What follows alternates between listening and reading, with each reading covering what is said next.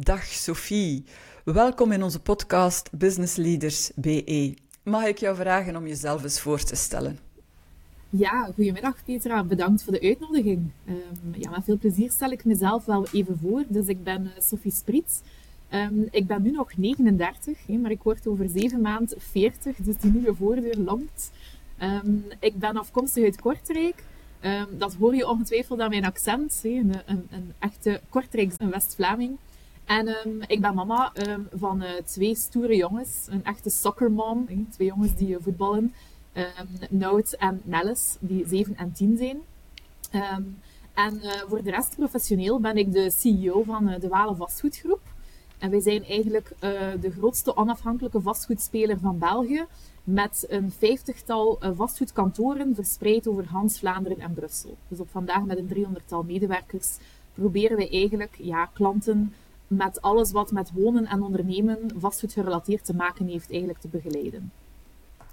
Mooi. En hoe ben je in die rol gerold?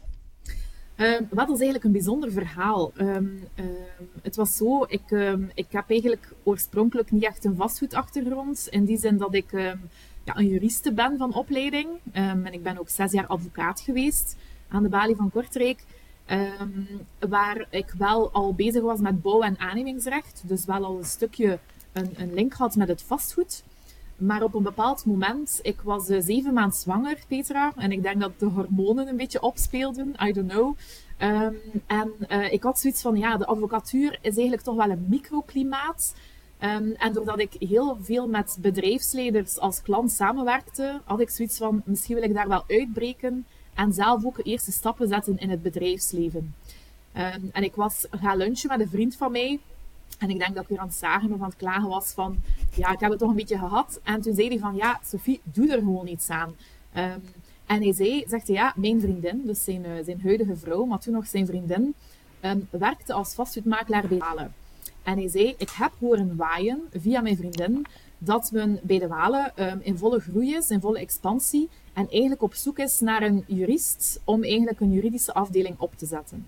En ik ben na die lunch eigenlijk terug naar kantoor gereden um, en zeer spontaan de website van Walen open gedaan, want er was geen vacature.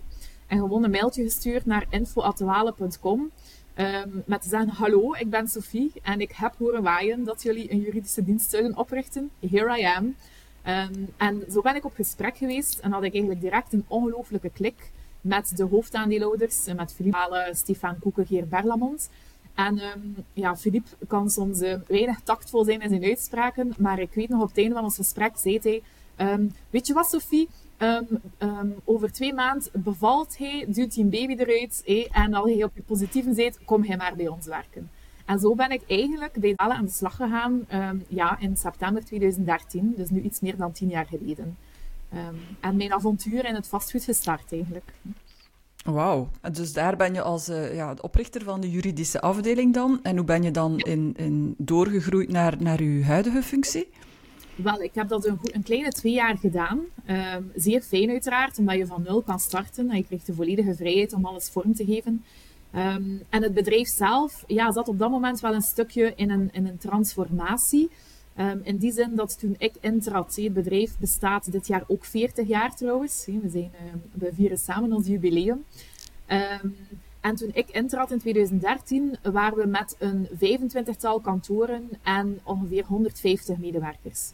En dat was een groei die zeer snel gegaan was toen. Ik denk dat we op zes jaar tijd van uh, 35 mensen naar 150 en van 8 kantoren naar 25. en dan moet je herstructureren. En het is zo dat eigenlijk op dat moment um, ja, Philippe Dalle mij toen gevraagd had van ja, Sophie, um, ik vind dat je toch wel heel wat andere skills hebt dan zuiver het juridische. Zie je dat zitten om dat juridische helemaal los te laten en mee in het directieteam te komen en eigenlijk ja, aan sales management gaan doen. En dus eigenlijk ja, aan de slag gaan als coach en leidinggevende van onze lokale kantoorverantwoordelijken dus um, ja, vanaf dat moment eigenlijk ben ik zes jaar lang op de baan geweest. Um, als een soort van, ik noem dat een verbindingsofficier. Om eigenlijk, ja, als je zo stratego speelt, heb je mensen die eigenlijk in de frontlinie staan en dan heb je de fourage achteraf. Zo is dat bij ons ook. We hebben een netwerk van kantoren in eigen beheer. Het is dus geen franchising. Dus zijn allemaal eigendom van, van de aandeelhouders, van de familie. Ehm, en daarnaast hebben we een back-office, uh, groepsdiensten noemen wij dat, waar dat HR zit, legal, finance, marketing, die eigenlijk de kantoren ontzorgen en ondersteunen.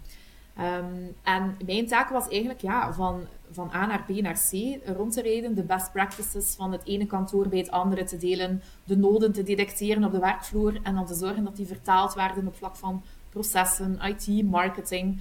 Um, dus er ging ineens een super nieuwe wereld open voor mij. Um, ja, eigenlijk ook echt wel waar ik naar op zoek was. Hè. Een uitdaging in die zin dat er meer is dan het juridische alleen. Um, en dat heb ik ja, zes jaar gedaan, waardoor je natuurlijk de firma heel goed leert kennen. Want hij gaat tot in ja, de diepste hoekjes van het bedrijf. En ja, ik, ik, ben eigenlijk al een aantal jaar een zeer goede tandem met Philippe Dalen, die toen CEO was. En na de COVID-periode heeft hij mij eigenlijk gevraagd of ik de fakkel wou overnemen uh, van hem toen, om eigenlijk ja, het bedrijf in totaliteit eigenlijk te gaan aansturen. En sinds september 2021 doe ik dat dus. Um, en nog elke dag met super veel plezier. Ja, ja, je straalt ook als je het vertelt. Hè? Dus uh, je hebt er echt wel plezier in, duidelijk. Wauw, dat zijn uh, hele verschillende skills inderdaad, die je, ja, die je zult een stuk gehad hebben en een stuk zult ontwikkeld hebben, zoals dat je zelf uh, zei. Ja. Um, wat, is zo, wat was voor jou de grootste uitdaging tot nu toe? Um, um, je bedoelt het moment dat ik CEO werd of, of het moment dat ik de overstap maakte van het juridische naar iets anders? Gewoon als je zelf naar de voorbije pak tien jaar kijkt. Wel, um, ik denk natuurlijk die eerste grote stap. Ineens ga je een leidinggevende positie. Ik had nog niet echt leiding gegeven. Um, ik had het misschien wel intrinsiek een stuk in mij, um, want ik ben altijd wel een organisator geweest. Zie, ook heel vaak presidia gedaan vroeger um, als, als student en zo. maar dat is toch iets anders he, als, het, als het professioneel is. En dan kom je ineens natuurlijk ja, in aanraking met, met mensen die, die jou als nieuwe leidinggevende krijgen, maar eigenlijk zijn zij qua expertise in hun job ja, veel beter dan dat jij bent. He. Ik, ben geen, ik was toen geen vastgoedmakelaar. En ineens ja, stuur je mensen aan die 10, 15, soms 20 jaar in het vak staan. Um, ja, en dan ben jij hun coach. Dus dat was wel uitdagend. Van hoe ga ik dat aanpakken? Um, en eigenlijk zorgen dat we een vertrouwensrelatie opbouwen. Dus ik denk dat het eerste jaar heb ik eigenlijk vooral heel veel geluisterd. Um, ja, geabsorbeerd, uh, nooit geprobeerd om het hoogste woord te voeren. Om eigenlijk ja, als een spons alle informatie op te zuigen en, en een stuk niet alleen vertrouwen, maar ook credibiliteit krijgen in die rol. Um, en, en door dan natuurlijk doorheen al die jaren van alles te kunnen en mogen proeven en daar dan ook mee aan de slag te gaan, krijg je vanzelf een soort van ja, natuurlijke, natuurlijk gezag, om het zo te zeggen. Um, dat het moment dat ik eigenlijk de fakkel van Philippe overnam als CEO, dat dat voor niemand in de organisatie eigenlijk als een verrassing kwam. Um, het was allemaal zeer natuurlijk en organisch, wat ik wel zeer belangrijk vond. Want als je natuurlijk moet starten met redelijk wat tegenstand, um, lijkt mij dat niet, niet evident als leidinggevende. Dus in die zin heb ik wel rustig de tijd gehad om daarin te groeien. Ja, ja en de tijd ook genomen blijkbaar, hè? Ja, absoluut. Belangrijk, inderdaad. Um, hoe kijk je naar de toekomst? Wat zijn nog de, de dromen? Um, binnen alle ja, zijn we met een Hanse transformatie bezig. In die zin um, ja, we zijn in, in eh, de, de, tien jaar dat ik er ben ondertussen inderdaad verdubbeld qua omvang, van 25 naar 50 vestigingen. We zijn nu met een driehonderdtal medewerkers, um, maar we zijn nog steeds in volle expansie. Um, en nog los van, ja, van, van uh, dat dat geografisch is qua expansie, is eigenlijk de groei of de transformatie um, zit dan veel meer op het, het feit, ja, wij zijn als vastgoedmakelaar een tussenpersoon, dus een middleman. Um, en ik denk in heel veel dienstverlenende sectoren komt de positie van de middelman wat wel wat onder druk te staan. Ook door opkomst van technologie, um, van heel veel uh, doe-het-zelf platformen, die eigenlijk um, mensen rechtstreeks met elkaar in contact brengen. Dus het is aan ons om onze blijvende meerwaarde te bewijzen naar de eindklant toe. en dat, dat proberen we te doen door eigenlijk ja, te transformeren van een zuiver transactionele makelaar en syndicus naar eigenlijk een levenslange partner in wonen en ondernemen. waarbij dat het adviserende eigenlijk heel hard komt bovendrijven Ehm, en dat we eigenlijk tal van andere diensten en producten aanbieden die het wonen en het ondernemen ook aangenamer maken. En dat is natuurlijk fantastisch qua uitdaging. Ja, dat we een soort van ecosysteem aan het uitbouwen zijn. Sommige zaken doen we zelf, andere gaan we eigenlijk een structurele partner verzoeken. Waardoor dat we zo als een soort van ja, spin in het midden van een spinnenweb helemaal verweven zijn in de Belgische vastgoedsector. Um, en dat combineren uiteraard met innovaties op vlak van technologie, op vlak van artificiële intelligentie. Um, ik denk dat we ja, aan, aan de vooravond staan van een nieuw tijdperk op dat vlak. Um, en we zijn altijd al pioniers geweest op vlak van innovatie binnenhalen in onze sector dan. Dus ja, voor ons is dat een ongelooflijk leuke speeltuin waar dat we nu mee aan de slag kunnen en zien wat werkt er, wat werkt er niet, op welke manier kunnen we onze klanten eigenlijk nog beter gaan bedienen. Dus uh, ik denk uitdagingen genoeg de komende tijd in onze, in onze markt. Ja, en hoe doe je dat dan om uh, zoveel medewerkers, zijn er toch heel wat, om die mee te nemen in niet iedereen is zo gericht op verandering en innovatie? Hoe zorg je dat iedereen zo de neus in dezelfde richting heeft? Ja, ik denk, um, ik zeg heel vaak, een groot stuk van mijn job als CEO is um, evangeliseren. Um, dus ja, de, de strategie, de why, waarom we bepaalde zaken doen, ja, dat wordt constant herhaald op alle mogelijke vlak. En dat begint eigenlijk al, ik kan misschien al iets specifieks meegeven over onze werkwijze binnenhalen. als een nieuwe medewerker start bij ons, dan komt hij de eerste dag, naar de startersdag heten we dat dan, op onze hoofdzetel. Um, en ik maak altijd tijd vrij om die nieuwe medewerker, of als ze met een aantal starten dezelfde dag, um, om daar een tweetal uur mee samen te zitten op dag 1. Um, ehm, waarbij dat ik eigenlijk de hele geschiedenis van onze groep vertel. En meteen ook vanaf dag 1 de strategie voor de toekomst op tafel leg. Um, en dat is een tsunami aan informatie. Ik weet dat ook. Um, waarvan dat ze uiteraard op dat eerste moment misschien maar 5 of 10 procent onthouden. Maar het gaat mij over ja, um, het principe. Je kiest voor een job bij Dalen. Je moet weten welk onderdeel dat je bent van het grotere geheel, waar je aan meewerkt en waar we naartoe gaan. en dat is wel iets. ik denk, we hebben um, anderhalf jaar geleden onder andere meegedaan aan een Great Place to Work enquête. Hey, ook gecertificeerd en ook Best Workplace benoemd. En een van de zaken die eruit kwam, Um, we hadden ook een specifieke vraag gesteld. Staan jullie achter onze levenspartnervisie? dus eigenlijk de strategie waar we naartoe gaan. En 96% van onze medewerkers heeft volmondig ja geantwoord. En dat is uiteraard omdat dat zo vaak door mezelf en heel veel anderen binnen de firma geëvangeliseerd wordt. Dus daar sta ik wel op. Ja. Hoe, hoe vertaalt zich dat dan in, in de dagelijkse praktijk? Um, ik geloof enorm in um, een participatieve structuur. Dus ik heb eigenlijk een organisatiestructuur opgezet binnen onze organisatie, um, waarbij ik goed nagedacht heb welke beslissingen moeten waargenomen worden. En, en alle beslissingen die heel dicht bij de klant staan, dus alles wat sales en marketing is, die beslissingen worden niet nationaal genomen um, op niveau van de directie. dus ik heb eigenlijk, we hebben zeven um, vastgoedspecialisaties binnen onze groep. we doen woonvastgoed, bedrijfsvastgoed, zendik, nieuwbouw, investeringsvastgoed, uh, wij ontwikkelen verzekeringen voor vastgoed. Dus we hebben heel allemaal gaan. En elke specialisatie heeft zijn eigen expertenteam. En dat zijn mensen van op de field, ongeacht jonge, oude medewerkers. Dat kunnen makelaars zijn, dat kunnen ondersteunende medewerkers zijn. Het enige wat belangrijk is, is dat elke regio vertegenwoordigd is. Limburg zit aan tafel, Antwerpen, de kust. En binnen dat expertenteam nemen zij beslissingen um, over ja, nieuwe initiatieven die genomen worden, nieuwe producten die we ontwikkelen. Um, en binnen uiteraard het strategisch kader en het vooraf afgestemde budget hebben zij de volledige vrijheid. Dus er wordt heel veel beslist binnen onze organisatie waar wij als directieteam eigenlijk ja, geen zeggenschap over hebben. Um, en dat zorgt er natuurlijk voor dat er ownership is, denk ik, in je organisatie. Um, en uw medewerkers, ja, een aantal vinden dat niet fijn en, en doen daar niet aan mee. En dat is ook oké. Die zijn gewoon met hun job bezig. Maar een aantal mensen krijgen daar heel veel energie van. dat is die empowerment, daar geloof ik heel hard in. Dat ze op die manier kunnen meebouwen aan de firma. Dus ik zet de grote lijnen uit, maar de echte goede ideeën om dat uit te werken en in de praktijk om te zetten, komen eigenlijk van onderuit. Wauw. Ik denk dat uh, voor sommige directieleden dat ook nogal een, uh, een andere aanpak is dan in heel veel andere bedrijven. Hoe reageren zij daarop? dus, uh, ik, denk, ja, ehm, ik heb er evenveel respect voor voor iemand die strak de teugels in de handen houdt. En in sommige, denk ik, sectoren is dat misschien ook wel nodig. Ehm, maar wij, ja, wij hebben, uh, laten we zeggen, wij zitten niet in een, een, een, fabriek waar producten worden gemaakt, waar dat je eigenlijk, uh, um, ja, Hans die uh, productielijnen moet gaan stroomlijnen of zo. Ja, wij hebben alleen onze mensen. Hè. Ons, ons, dat is ons kapitaal.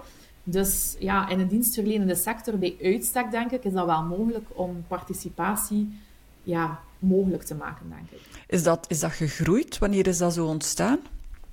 Dat is uiteraard gegroeid. Um, voordien was er wel al uiteraard overleg met verschillende... Um, dat, dat, moet wel, hè. we zijn een decentrale structuur. Als je op 50 locaties zit... Um, en uh, je wilt geen franchise-gevoel, want daar hebben we een echte aversie van dus um, we willen niet dat lokale teams of kantoren op een eiland zitten en op een bepaalde manier ja, een, een andere strategie zouden beginnen nastreven, een ander kwaliteitsniveau handhaven. Hey, ons imago in die zin is belangrijk. Dus ik heb daar lang over nagedacht, hoe hou je dat in de hand? Um, en dat is uiteraard door inspraak te brengen. En uh, ja, dat is maar vallen en opstaan. Ik herinner mij toen ik in de firma binnenkwam, toen waren we, zoals ik zei, met 25 kantoren. Um, ja, dan werden alle kantoorverantwoordelijken nationaal samengeroepen en dan zaten we met 25 aan tafel. Um, en dat waren superleuke meetings, um, omdat iedereen terugzag, maar er werd daar dus niets beslist. en op, op het einde van de dag ging iedereen terug naar huis en die gewoon terug zijn zin. en dan hebben we gezegd, oké, dit kan niet meer. We gaan echt wel moeten ja, zorgen dat we ambassadeurs hebben, vertegenwoordigers, waar dat ook een rotatiesysteem in zit. En zolang dat goed afgeleid is, wie wat waar beslist, dan werkt dat eigenlijk zeer goed. Maar dat is trial and error. Eh, ik heb niet ergens een handboek gelezen van dit is nu de ideale structuur. Ik denk dat je heel hard moet kijken naar je eigen bedrijf. Wat is de cultuur van je bedrijf? Wat gaat er werken, wat niet? En dan gewoon uittesten en bijsturen. We hebben al comité's gehad of opgericht die niet werkten, maar dan moet je ook durven snel daar afscheid van nemen en dan niet laten namodderen. En in die zin, ik ben nogal rood qua insightskleuren, dus ik neem nogal snel beslissingen. Werkt iets goed? Oké, has, volle has. Werkt iets niet goed? Afschaffen. Hè? En iets anders proberen. Dat is wel een beetje mijn stijl. Ja. Dat betekent wel dat je ergens op de hoogte bent van wat er dan gaande is? Ja, dus um, het is wel zo dat um, uiteraard maakt uh, elk expertenteam ook een agenda. Um, en daar wordt dan ook een verslag van gemaakt. Maar ook daar bijvoorbeeld hebben we al gezien hoe deel je nu die informatie binnen de Hanse organisatie? Um, wat bijvoorbeeld heel goed werkt bij ons, want die verslagen, wie leest dat dan? Je hebt dan de nuance altijd niet mee. Um, en elke, elk expertenteam maakt na elke meeting, ze komen vier keer per jaar samen, maakt daar een filmpje van.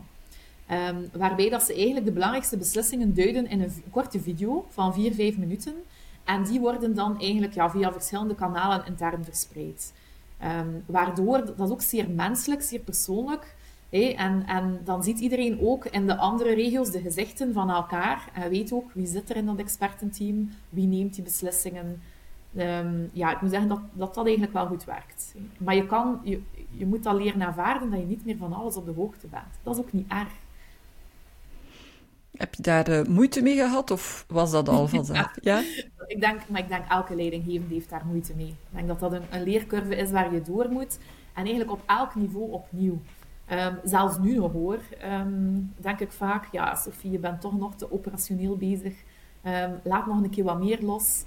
Ik had zo wat wijze raad gehad van, van iemand uit mijn directe omgeving. het moment dat ik CEO werd, die zei van... Sophie, je moet goed beseffen nu dat um, je hebt jouw directieteam en zij staan eigenlijk in de eerste escalatielijn. Um, dus je moet ze ook laten doen. Um, en jij gaat er eigenlijk achter gaan staan om ze te ondersteunen. En je bent eigenlijk maar de tweede escalatielijn. dus dat betekent, oké, als het echt, echt brandt, of iets ontploft, bij wijze van spreken, is het logisch dat het op mijn bureau terechtkomt en dat ik probeer te ondersteunen. Maar als coach is er niets ergers dan uiteraard ja, over hun coachie heen springen en het zelf proberen op te lossen. Dat is not done. Um, en dat leer je wel gaandeweg. Ja, ja, ik vind het mooi dat je aangeeft van dat dat inderdaad niet evident is. En dat dat moeilijk blijft, hè? want die, uh, het, het, rode van Insight dat je zegt, is ook die resultaatsgerichtheid. Durft wel een keer mensen in het overnemen duwen. Hè? Ja, absoluut. En ook omdat ik vind het persoonlijk een zeer moeilijke balans Ehm, als CEO ja, heb je uiteraard een aantal taken en bevoegdheden. Je bent ook heel hard op het strategische gericht. Ehm, maar ik vind, als je het bedrijf niet, niet, ja, tot in de, niet in de vingers hebt, niet tot in de diepte kent, dan is het ook heel moeilijk om strategische richting voor de toekomst te gaan bepalen.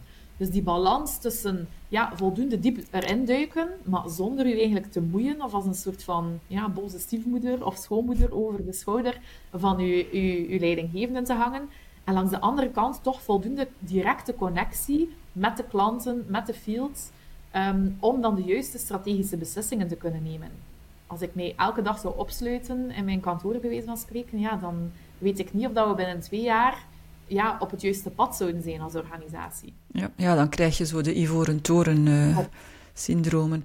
En hoe doe je dat concreet? Evalueer je dat? Krijg je daar feedback over? Op welke manier weet je van, ik ben met de juiste balans bezig nu? Oh, ik, wel, ik probeer eerst en vooral um, ja, uh, niet elke dag van op de hoofdzetel te werken, maar ja, regelmatig in de kantoren te zijn. Um, ik werk dan van daaruit. Um, ik kom daar dan ook niet toe met een agenda, in die zin dat ik dan de tijd van iedereen wil claimen. Maar ja, we zijn helemaal in de cloud en iedereen heeft, uh, werkt eigenlijk uh, mobiel met laptops. Dus de dag van vandaag komt toe. In elk kantoor kunnen wij onze docking station aanloggen en, en kan iedereen werken. En dan merk ik vanzelf dat mensen toch komen, of een keer een praatje maken of, of een bepaalde bekommernis een keer op tafel leggen. Um, ik probeer in die zin vooral bereikbaar te zijn. En um, waar ik bijvoorbeeld langs de andere kant heel hard op sta, ja, we zijn dus op vijf jaar tijd van 25 naar 50 kantoren gegaan. Dat is eigenlijk omdat we redelijk wat overnames gedaan hebben van bestaande vastgoedkantoren. En die gaan eigenlijk door een integratietraject, waarbij dat ze helemaal op de processen, de werkwijzes van alle worden overgeschakeld. Um, en in die intensieve periodes ja, woon ik bijna in die regio en geef ik een heel stuk van die opleidingen zelf. En dan zou je kunnen zeggen, ja Sophie, uh, waarom steek je daar tijd in? Um, dat kan je perfect delegeren, dat is waar. Maar ik vind het belangrijk om dat te doen, omdat dat, ja, ik zie dat als een win-win. Ik ben daar fysiek, ik leer die mensen kennen, zij leren ons kennen als cultuur. En ondertussen, doordat ik, uh, gaat misschien lachen Petra, maar ik geef dus de IT-opleiding. Ik geef de opleiding rond ons softwarepakket, hè, want we ontwikkelen onze eigen software. Um, en ik heb dat zelf jaren mee aangebouwd. En op die manier hou ik dat ook in de vingers. Um, zodanig dat ik ook nog weet hoe zit het proces. Hè? Hans, ja, Hans, onze flow in verkoop en verhuur, hoe zit dat in elkaar? Hè? En ik blijf up-to-date op die manier. Dus ik zou dat kunnen uitbesteden. Maar één, vind, ja, ik vind het super fijn om te doen.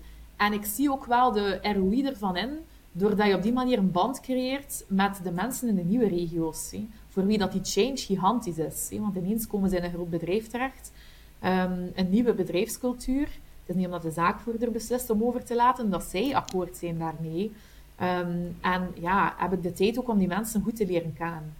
Dus dat, dat blijf ik bijvoorbeeld zelf doen.